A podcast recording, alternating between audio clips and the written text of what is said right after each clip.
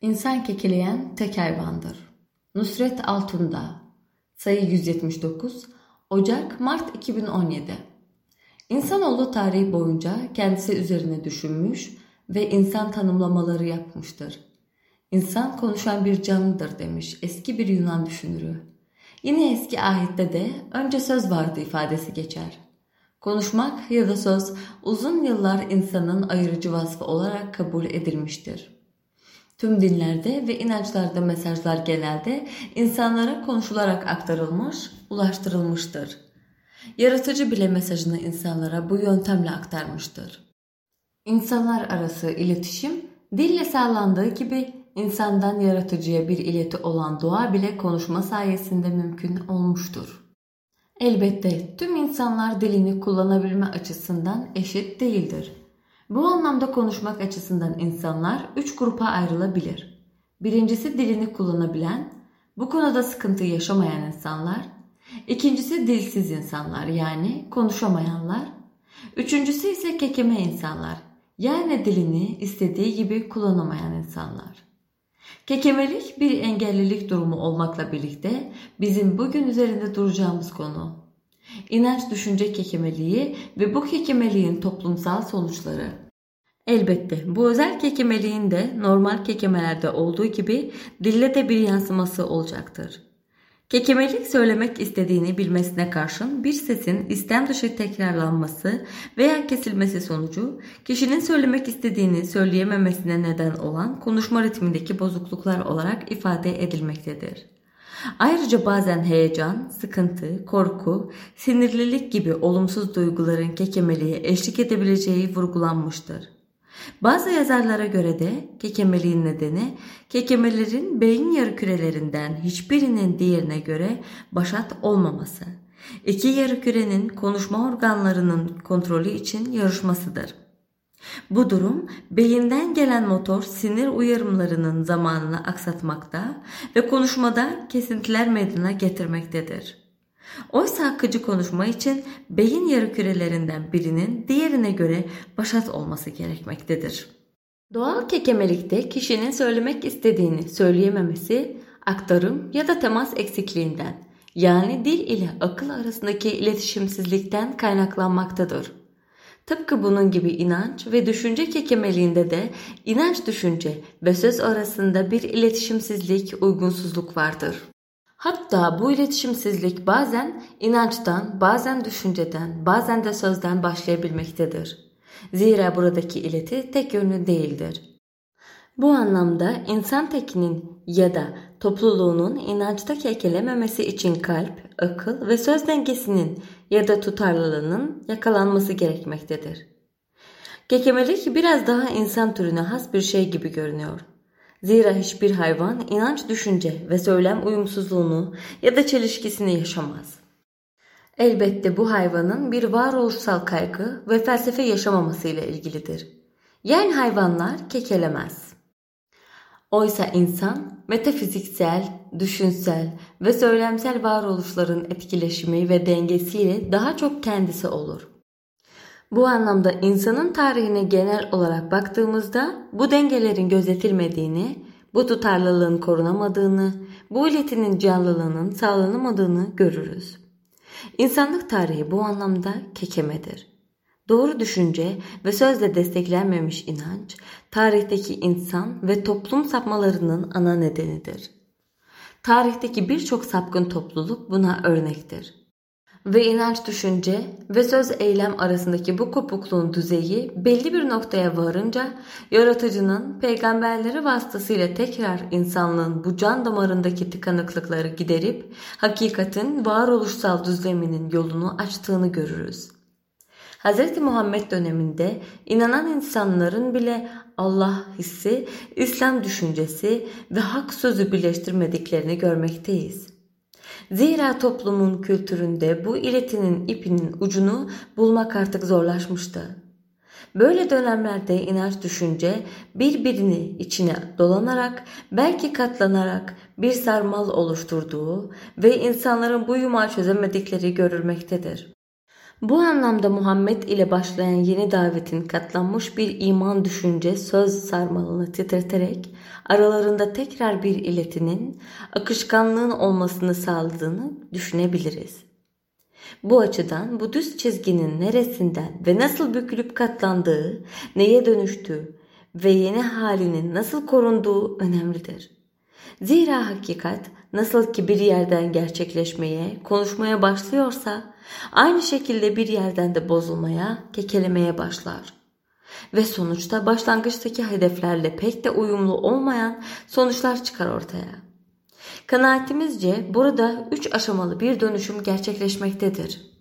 Birincisi kekeme güruhun oluştuğu, ikincisi paralel hakikatin oluştuğu ve üçüncüsü bu yeni hakikate halkın dahil edildiği evre. Bu anlamda her şey kekeme güruhla başlar. Daha doğrusu kekelemekle başlar.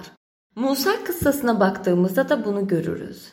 Musa peygamber iyi bir hatip olmadığından kardeşi Harun da yardımcı olmak ister.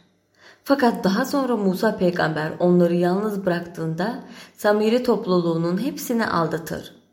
Fakat bu topluluk aldatıldığı zaman aralarında bir peygamber vardır.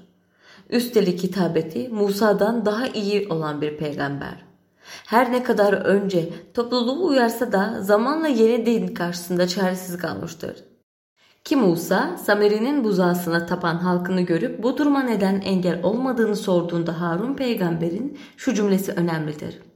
Ben İsrail oğulları arasında ihtilaf çıkardın demeni istemedim. Bugün ümmetin birliği için sustuğunu söyleyenlerin dikkat etmesi gereken bir ayet. Musa'nın cevabıyla elbette Harun peygamber tavrını değiştirir. Bu olay İslam tarihinde toplumsal kekemelik için iyi bir örnektir. Bu vakada sapma kekemelik aşamasında kalmıştır. Oysa ileride göreceğimiz gibi her zaman olay bu aşamada kalmaz. Maalesef bu idareci tavır daha sonra İslam toplumlarında defalarca devam edecek bir tavırdır. Harun buradaki sözünün üzerinde durulması gerekir. Zira hakikat doğrusu bazen inançtan, bazen düşünceden, hatta bazen söylemden kırılır ve onarılır. Bu anlamda söylemi eksik ya da yanlış olanın inancı da ona göre değişmeye başlar. Burada samiriliğin tam kurumsallaşmadığını görmekteyiz. Oysa toplumda samirilik bir kere kurumsallaşınca artık samiriliği korumak din adına ve Allah inancı kullanılarak yapılmaya başlanır. Kaldı ki samiriliğin mirasçısı olan iktidarlarda gelişen bu sonraki aşamaya ileride değineceğiz. Kekemelikte ilk evre bir tür suskunluk evresidir diyebiliriz. Firavun sarayındaki mücadeleden hemen sonra Kekemedin kendini göstermiş ve Samiri ismiyle yenilenmeye çalışılmıştır.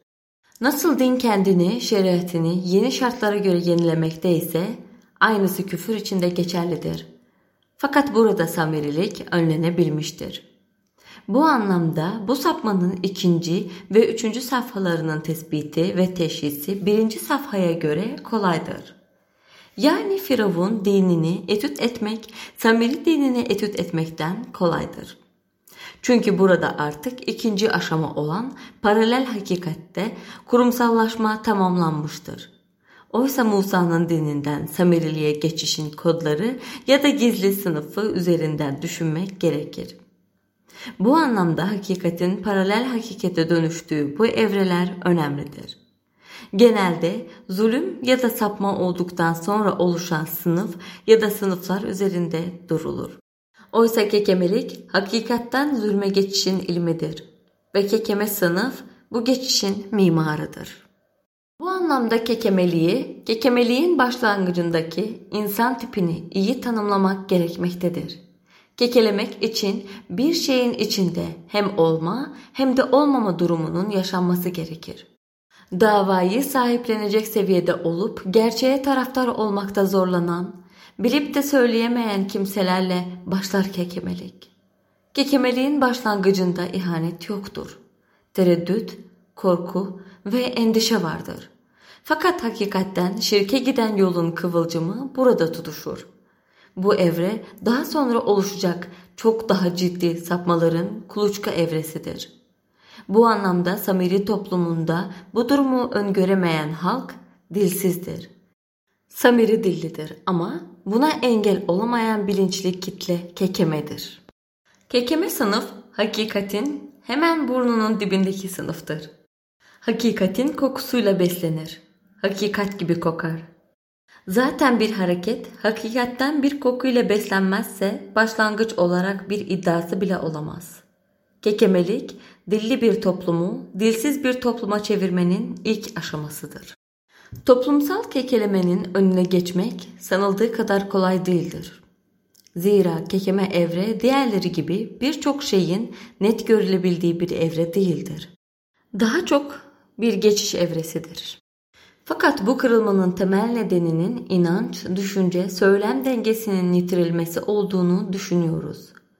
Dediğimiz gibi burada insanın hakikati, doğruyu anlama biçimi, formu etkili olmaktadır. Dolayısıyla her şeyden önce olayları anlama biçiminin kalp, akıl, dil arasında bir iletinin varlığına elverişli olması gerekmektedir. Eğer hakikat ipi kopmuşsa sahte bir ileti toplumda dolaşma sokulacaktır. Zira toplumların hakikat formu insanlara olaylar karşısında nasıl davranabilecekleri ya da şeyleri nasıl yorumlayacaklarıyla ilgili kendiliğinden bir arka plan sunmakta, öğretmektedir. Dolayısıyla hak ve haksızlık kavramlarının işleyebilmesi için kişisel ya da toplumsal canlı bir hakikat tasavvurunun olması gerekir. Hakikatin anlaşılma biçimi onun yaşanabilirlik, söylenebilirlik, uygulanabilirlik iddialarının temelini oluşturur. Bu anlamda batıda hakikat kelimesinin izini sürdüğümüzde antik Yunan'da hakikat formunun genelde doğruyu söylemek noktasında kaldığını görürüz. Yani hakikat batıda antik çağda yaşanan bir şey değildir. Daha çok söylenen bir şeydir. Bu dönemin bir düşünürü insan konuşan bir canlıdır demişti. İnsan konuşur bu çağda evet ama daha çok insanın aklına seslenir. Toplumun inancı veya vicdanına hitap eden bir çağrıya kolay kolay rastlanmaz. Sokrat'ın tarzında bile düşünsel tutarlılık çabası hakimdir. Orta çağda ise hakikat daha çok inanılan bir şeydir. Bu dönem için insan İsa'yı seven bir canlıdır ya da insan itiraf eden bir canlıdır diyebiliriz.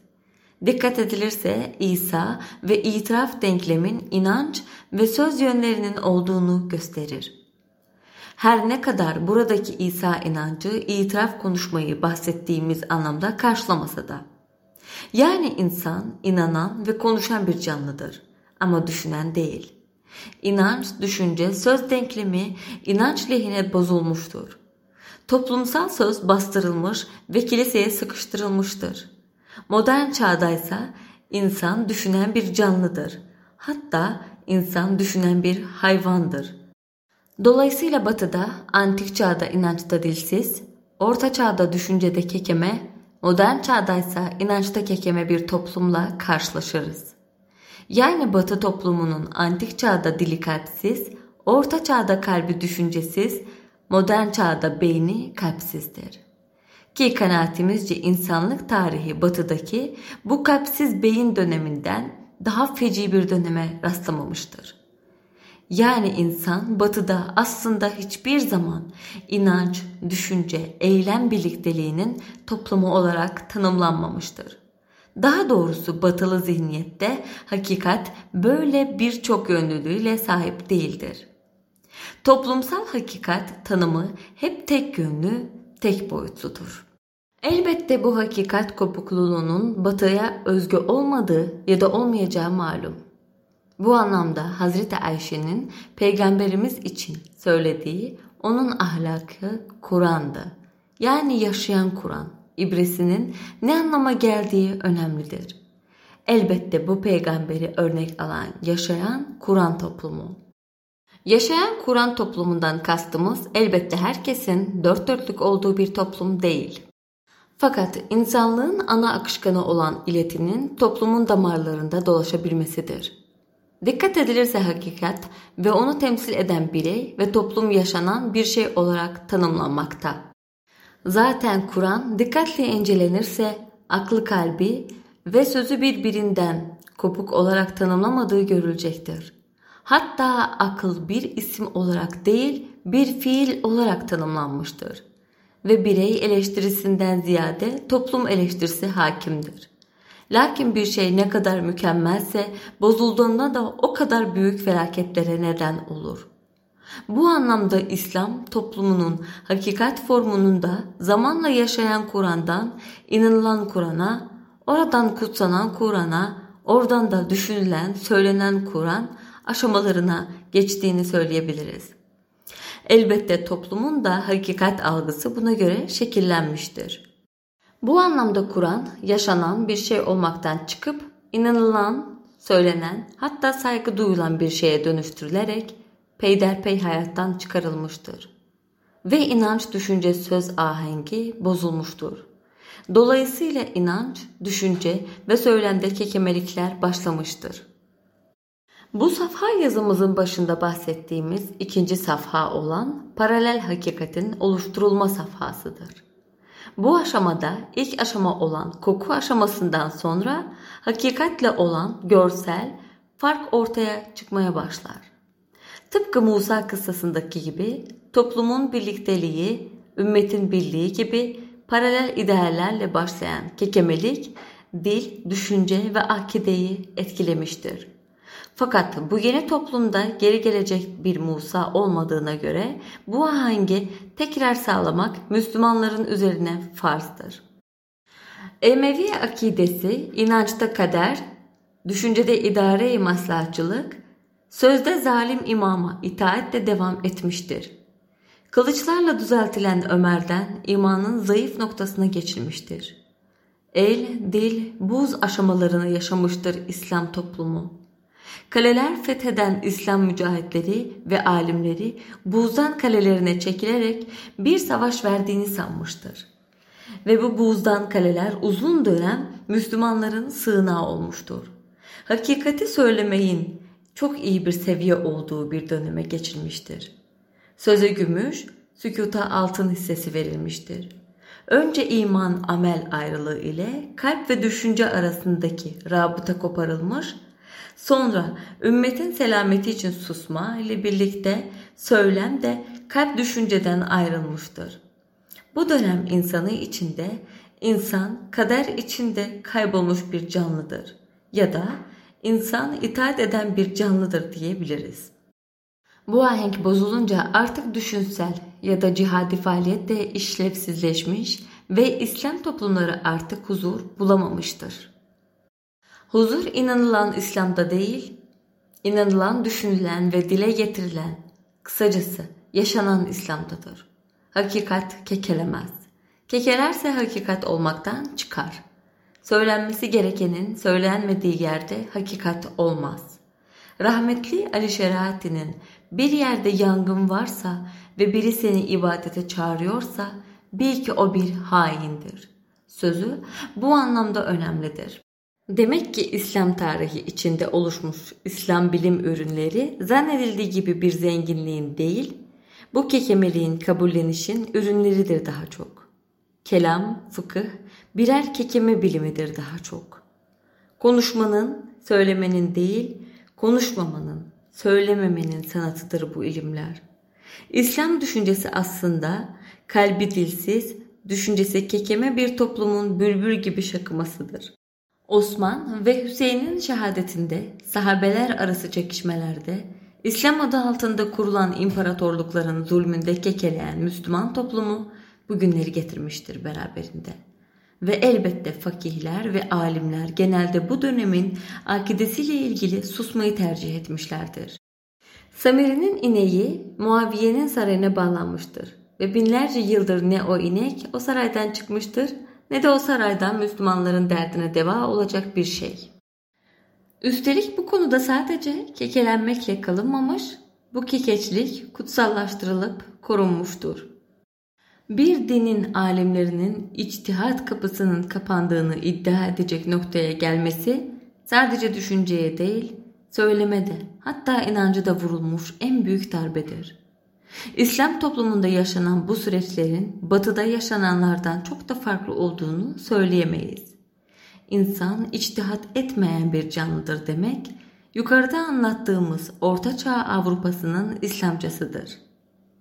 İşte burada Harun peygamber döneminde tohumu oluşan ve Musa tarafından hemen engellenen kekemelik sonraları başarılı olmuş ve kekemeliğin ikinci aşaması ortaya çıkmıştır. Buna paralel hakikat de diyebiliriz. Paralel hakikat eldekini koruma vurgusuyla bir toplumun elindeki avucundakileri alabilecekleri noktaya getirmek isteyen otoritelerin kekeme dinidir. Bu yeni dinde kadro ve kurumsallaşma tamamlanmıştır. Bu nedenlerle aslında dilsizliğe giden bir kekeme külliyatı oluşturulmuş ve bu külliyatı araştıranlar alim, kayıt altına alanlar katip, koruyanlar zabit, seslendirenler, haykıranlar hatip, derinliğine yaşayanlar ise zahid diye isimlendirilmişlerdir. Oysa buradaki alim, hatip, katip, zabit ve zahid kekeme bir dinin bekçilleridir. İslam'dan başka bir dinin tabii ki. Ama İslam'ın burnunun dibinde İslam kokusuyla beslenmiş bir dinin. Bunlar Musa'sız bir Samiri'nin başarılı olmuş halinin örneğidir. Bunlar dün Samiri'nin ineğinin önünde duranlarla aynı kişilerdir. Ve bunun sebebi de sessiz Harunlardır. Bugün kendi kekemeliğini görmeyip dışarıdaki dünyaya haykıranlar bu ümmetin devamıdır. Bunlar kendi kekemeliklerini tedavi etmeden dünyaya diksiyon dersi vermeye çalışan zavallılardır. Hatta bu samiri kekeme kültürün hakikat düşünce söz uyumunun mirasının medeniyet diyerek yeniden dile gelmesini sağlamaya çalışıyorlar. Samiri'nin ineğine vurarak İslam medeniyetini diriltmeye çalışan zavallılar bilmiyorlar ki Rabbimizin Kur'an'da buyurduğu gibi o inek konuşamaz. Fakat yine de Samiri'nin bir hileyle inekten çıkıyormuş gibi gösterdiği sesi Kur'an İslam ümmetinin kaygırışı gibi göstermeye çalışıyor. Bugün İslam alemindeki en büyük engel bu kutsal kekeme bilimdir. İbrahim'in baltasının ilk ineceği put budur. İbrahim'in baltasını Muaviye'nin ve onun devamı olanların saraylarında Samiri'nin ineğinin boynuna vurmak lazımdır. Böylelikle ister batıda ister İslam toplumlarında üretilmiş olsun paralel hakikatler inanç, düşünce, söylem alanlarından birinde tıkanıp kaldığı için tutukludur. Akışkan ve canlı değildir. İletildikleri topluma bir canlılık kazandıramaz. Çünkü hakikatin paraleli olmaz. Samiri'nin ineği bırakın konuşmayı kekelemez bile. Fakat paralel hakikatler hakikat iddiasında olduğundan bir yaşanan olmak için bu alanlar arasında bir iletiyi dolaştırması ya da dolaşıyormuş gibi göstermesi gerekir. Dediğimiz gibi kekelemenin yanı paralel hakikat oluşturmanın birinci aşaması hakikatin hemen burnunun dibinde başlayan aşamasıdır. Bu hakikatten zulmün kokusunun geldiği aşamadır. Lakin bu çok az insanın alabileceği bir kokudur. Ve bu aşamadaki sorumlular aslında bir sınıf teşkil eder. Suskunlar kekeme sınıfı. Yukarıda dediğimiz gibi kanaatimizce bu İslam tarihinde henüz adı konmamış, çalışmalara konu olmamış bir sınıftır. Neden acaba? Bu sınıfı batılı ya da Marksist sınıf perspektifleriyle anlamak da zordur. Zira bu hakikatin bozulmasına sessiz olan ve de aslında olup biteni anlayabilecek seviyede bir sınıftır. O ne bir alimler ne de aydınlar sınıfıdır. Elbette hakikatin bozulması yetmez. Yani zulmün kokusu yetmez. Bunun üzerine herkesi etkileyebilecek bir iktidar ve otorite kurulamaz. O halde devreye göz ve kulak girmelidir. Heidegger'ın da dediği gibi kulak hakikatin, göz gerçekliğin organıdır. Bu anlamda paralel hakikatin görselliğinden sonra kulağın devreye girmesi gerekir. Burada artık üçüncü aşamaya geçilir. İkinci aşama olan paralel hakikatler aşamasında gerek saraylarıyla, ihtişamıyla, aydın sınıf din sınıfı vesaireyle bir kurumsallaşmanın tamamlandığını söylemiştik. Bu aşamada henüz otorite sağlamlaşmış, kökleşmiş değildir. Üçüncü aşama gerekir. Hakikatin koku ve görselliğinden sonra sesinde de değişiklik olmalıdır. Bu aşama halkın bu yeni hakikate inandırılma sürecidir ki birazdan göreceğimiz gibi burada da otorite yine kekemelikten yararlanır. Burada propaganda devreye girer.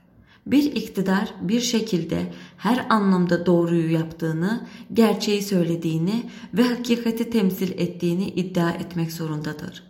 Hele mutlak iktidar heveslisi mutlak hakikat iddiasında olmak zorundadır.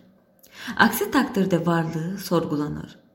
Bu anlamda ne kekeme sınıf ne de aydınlar sınıfı yetmez otorite için. Onun geniş halk kitlelerini çoğunluğu bir şeye dahil etmesi gerekir. Bu kekeçin keşkesine amanın aması ve sarın sankisinin eklendiği evredir. Onun toplumun geniş kitlelerini duyması için sağırlaştırması, görmesi için körleştirmesi gerekir. Kekemelik körlüğe, o da sağırlığa neden olur. Avamın körlüğü, sağırlığı, alimin kekemeliğiyle başlar. Bu aşama üçüncü aşama yani duyma aşamasıdır. Dediğimiz gibi bu aşamada da otorite kekemelikten daha doğrusu kekemeliğin değişik fraksiyonlarından yararlanır. Kekemeler genelde kendi seslerini duymadıklarında ya da şarkı söylediklerinde kekelemezler. Aynı şekilde kekemeler ya bir sesi ya bir heceyi ya bir kelimeyi ya da bir cümleyi tekrar ederler. Aslında iktidarların yaptığı da bu özelliklerden yararlanmaktır. Öncelikle kekemeyi bir şarkı seslendirmeye ortak ederek kekemeliğini gizlemek, sonra hecede kekeleyen, kelimede kekeleyen, cümlede kekeleyen dengesini ayarlayarak birinin diğerinin sessiz bıraktığı yeri doldurmasını sağlamak. Sesi sese eklemek. Tabi bu arada kendi sesini duymayan kekemenin cesaretle büyük sese katkı vermesi. Bu anlamda paralel hakikat için kitlelere sahte bir ileti sunmak, büyük bir gürültünün olduğu bir formatı yakalamayı gerektirir. Artık kekeme sınıf ve aydın sınıftan sonra üçüncü grup olan iktidar korosu oluşmuş olur. Bu örneği en canlı haliyle Kekeme Çocuklar Korosu'nda görürüz. Kekeme çocuklar bir araya gelip koro halinde şarkı söylerler. Bu durumda hem çocukların kekemelikleri gizlenmiş olur hem de birlikte bir şarkı söylenmiş olur. Aslında hiçbiri tam olarak konuşamayan birçok çocuk tek başına kekemeyken birlikte dilli insanlara bir topluma dönüşürler. Tıpkı bunun gibi iktidar ya da otorite bir kekeme yetişkinler korosuna dönüşür zamanla. Dediğimiz gibi bu sadece aydınlardan ya da iktidarlardan oluşmuş bir koro değildir. Burada insanlar bazen korkudan, çıkardan, cehaletten, bazen de ümmetin selameti için kekeler. Hem de doğası gereği durgun olan paralel hakikate canlılık, akışkanlık kazandırılmış olur. Lakin bu sadece sanat için bir araya gelmiş bir koro değildir. Yelpazesi oldukça geniştir. Daha çok Orwell'in 1984'ündeki gibi bir korodur bu. Otorite A ülkesi iyidir deyince iyi göstermek, kötüdür deyince kötü göstermek için uğraşan bir güruhtur. Bu koro taşradan en merkezi yere kadar örgütlenmiş bir korodur. Merkezde üretilen şarkılar taşranın en ücra köşelerine kadar servis edilir. Nakarat kekemelerce istenmeden de olsa tekrar edilir. Çılgın kalemşörler, harika teorisyenler, elit sanatçılar vesaire her günün gerçeğini üretirler. Taşra'daki koro temsilcisinin bunları savunması için olaya hakim olması ya da tam anlamış, ikna olmuş olması da gerekmez. Zira ondan beklenen sadece devam etmesi, kekemeliği kadar konuşmasıdır.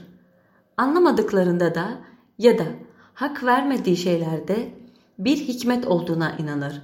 Böylece merkezi şeytan taşra müminleri üzerinden aklanır. İktidar ırmağı her gün taşranın küçük derelerinde temizlenir. Milyonlarca sinek üşüşür derelere ve iktidar kokusu iktidar korkusuna dönüşür. Milyonlarca insan aynı davanın neferi sandırılır. Korku, endişe, çıkar vesaireden oluşan bir karmaşa hayatın nabzı olur. Kekemeler hayatın nabzını tuttuklarına inanırlar. Kalpleri iktidar diye atar. Aslında bu artık üçüncü aşamanın tamamlanmasıdır. Artık bu döngü nadiren kırılır. Genelde de bu şekilde devam eder. Yazımızın başında bu tür durumlarda yaratıcının peygamberleri vasıtasıyla insanları uyardığını söylemiştik. Eğer paralel hakikat için sıkıntı oluşursa melodi ya da şef değiştirilebilir. Ve ihtilal, devrim gibi kelimelerle ciddi bir değişim oluşuyormuş havası yaratılır. Aslında sadece bir koro değişimidir söz konusu olan. Yeni şefle birlikte yeni melodiler üretilmeye ve seslendirilmeye başlanır. Koro kendisinin de yeni şefinin de hatta yeni melodisinin de diğer korolardan farklı olduğunu vurgulamak zorundadır. Buna kitle adını vermek mümkündür. Ancak gerçekte tam kitle tanımının sınıfındadır. Bir araya gelmiş, güzel ama çok heyecan verici olmayan şarkılar söyleyen bir koro. Mücadelenin belirsizliğine, ebedi kalıcılığın yerleşik bir durum olarak seçilmişliğe ulaşan bir korodur bu. Elbette bu kekeme koro sadece kendisine biçilen rolü yerine getirmektedir. Bu koro bir kere oturduktan, kurumsallaştıktan ve melodisi yankılandıktan sonra otorite yani şef hakikatin tek ölçüsü olmaya başlar ve onu temsil eder. Ün arzulayan insan tam olarak bunu ister. Alkışlayarak onu ilan etmekten başka hiçbir şey yapmayan yaratıklar korosu. Bu yaratıklar elbette insan olmalıdırlar. Bu da bir bakıma ılımlı bir kitledir. Koro bir kez yerini aldıktan sonra orada kalır ve ne kadar çok gürültü yaparsa yapsın nesnesine adından daha çok yaklaşamaz. Ünlü kişi sesler korosu biriktirir. Bütün istediği onların kendi ismini tekrarladıklarını duymaktır. İsmini tekrarlayan yeterince ses olduğu sürece bu seslerin ölülere mi, yaşayanlara mı yoksa henüz doğmamış olanlara mı ait olduğu önemli değildir. Tüm bu aşamalardan sonra artık kekemeler sadece kekeme değildirler. Kördürler, sağırdırlar, hayvan gibidirler. Hatta hayvandan da aşağıdırlar. Bu noktadan sonra artık Kur'an'daki hayvanla Batı felsefesindeki hayvan birleşir örtüşür. Artık ister doğu, ister batı, ister İslam toplumları için insan bir hayvana dönüştürülmüş olur. Hem de düşünen ya da konuşan ya da itaat eden değil, kelimenin gerçek anlamıyla kekeleyen bir hayvana. Bu anlamda bu aşamadan sonra artık diyebiliriz ki insan kekeleyen tek hayvandır. Üstelik bu kekemeliğin sadece dünyaya has olmadığını, ahirette de devam ettiğini Kur'an'dan öğreniyoruz. Ve bu kekemelik ahirette de devam eder. Melekler kendilerine zulmeden kimselere canlarını alırken soracaklar. Neyiniz vardı sizin? Onlar biz yeryüzünde çok güçsüzdük diye cevap verecekler.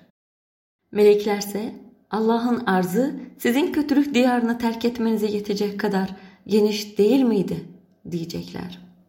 Böylelerinin varış yeri cehennemdir. Ne kötü bir varış yeri. Allah onlara sizden önce gelip göçen cin ve insan toplulukları yanında cehenneme giriniz der. Her cehenneme giren topluluk yoldaşına lanet okur. Sonunda hepsi bir araya gelince sonrakiler kendilerinden öncekiler için ey Rabbimiz bizi bunlar yoldan çıkardı. Onun için bunlara bir kat daha fazla cehennem azabı çektir derler. Allah da onlara her birinizin azabı ikiye katlanmıştır. Ama bilmiyorsunuz. Elbette tüm bu aşamalar ve propagandaya rağmen bu iktidar korosunun dışında kalmayı başaranlar olur. Otoritenin bunlar için ise iki taktiği olur. Yok sayma ve yok etme. Bunu en iyi Marksizm emperyalizm ikilisinin doğu toplumlarına bakışında görürüz. Marksizm güya emperyalizme karşıdır. Hatta bu uğurda nice canlar vermiş bir ideolojidir. Fakat enteresan olan batılı modern vicdanda kekeme medeniyetinin iki farklı tezahürlerinden biri olan Marksizmin doğuyu yok sayması Emperyalizmin ise onu yok etmeye çalışmasıdır. Demek ki kekeme medeniyetler kekeledikleri noktaları açmazlarını ya görmezden gelirler ya da yok ederler. Sonuç yerine kekelemek insan doğasına has bir şeydir. Bu anlamda tarih karşılığını bulamamış ve hakkı verilmemiş sözler mezarlığıdır. Hakikati paralel hakikat takip eder. Bu aydınlatıcıların bile kısamadığı bir kekeme korosunun sesidir ve tarihin derinliklerinde toplumların üzerinde yankılanır. Peygamberlerin bir çığlık miktarınca susturduğu bu koro kendini yeniden üretir. İnsan türünün kekemeliği bu dünyada başlayıp bu dünyada biten bir şey değildir. Bu anlamda dünyada haksızlıklar karşısında kekeleyenler ahirette de Allah'ın huzurunda kekelerler. Ne mutlu bu dünyadaki hak sözü söyleyip hakikat üzerinde düşünerek İslam'ı derinliklerinde yaşayanlara.''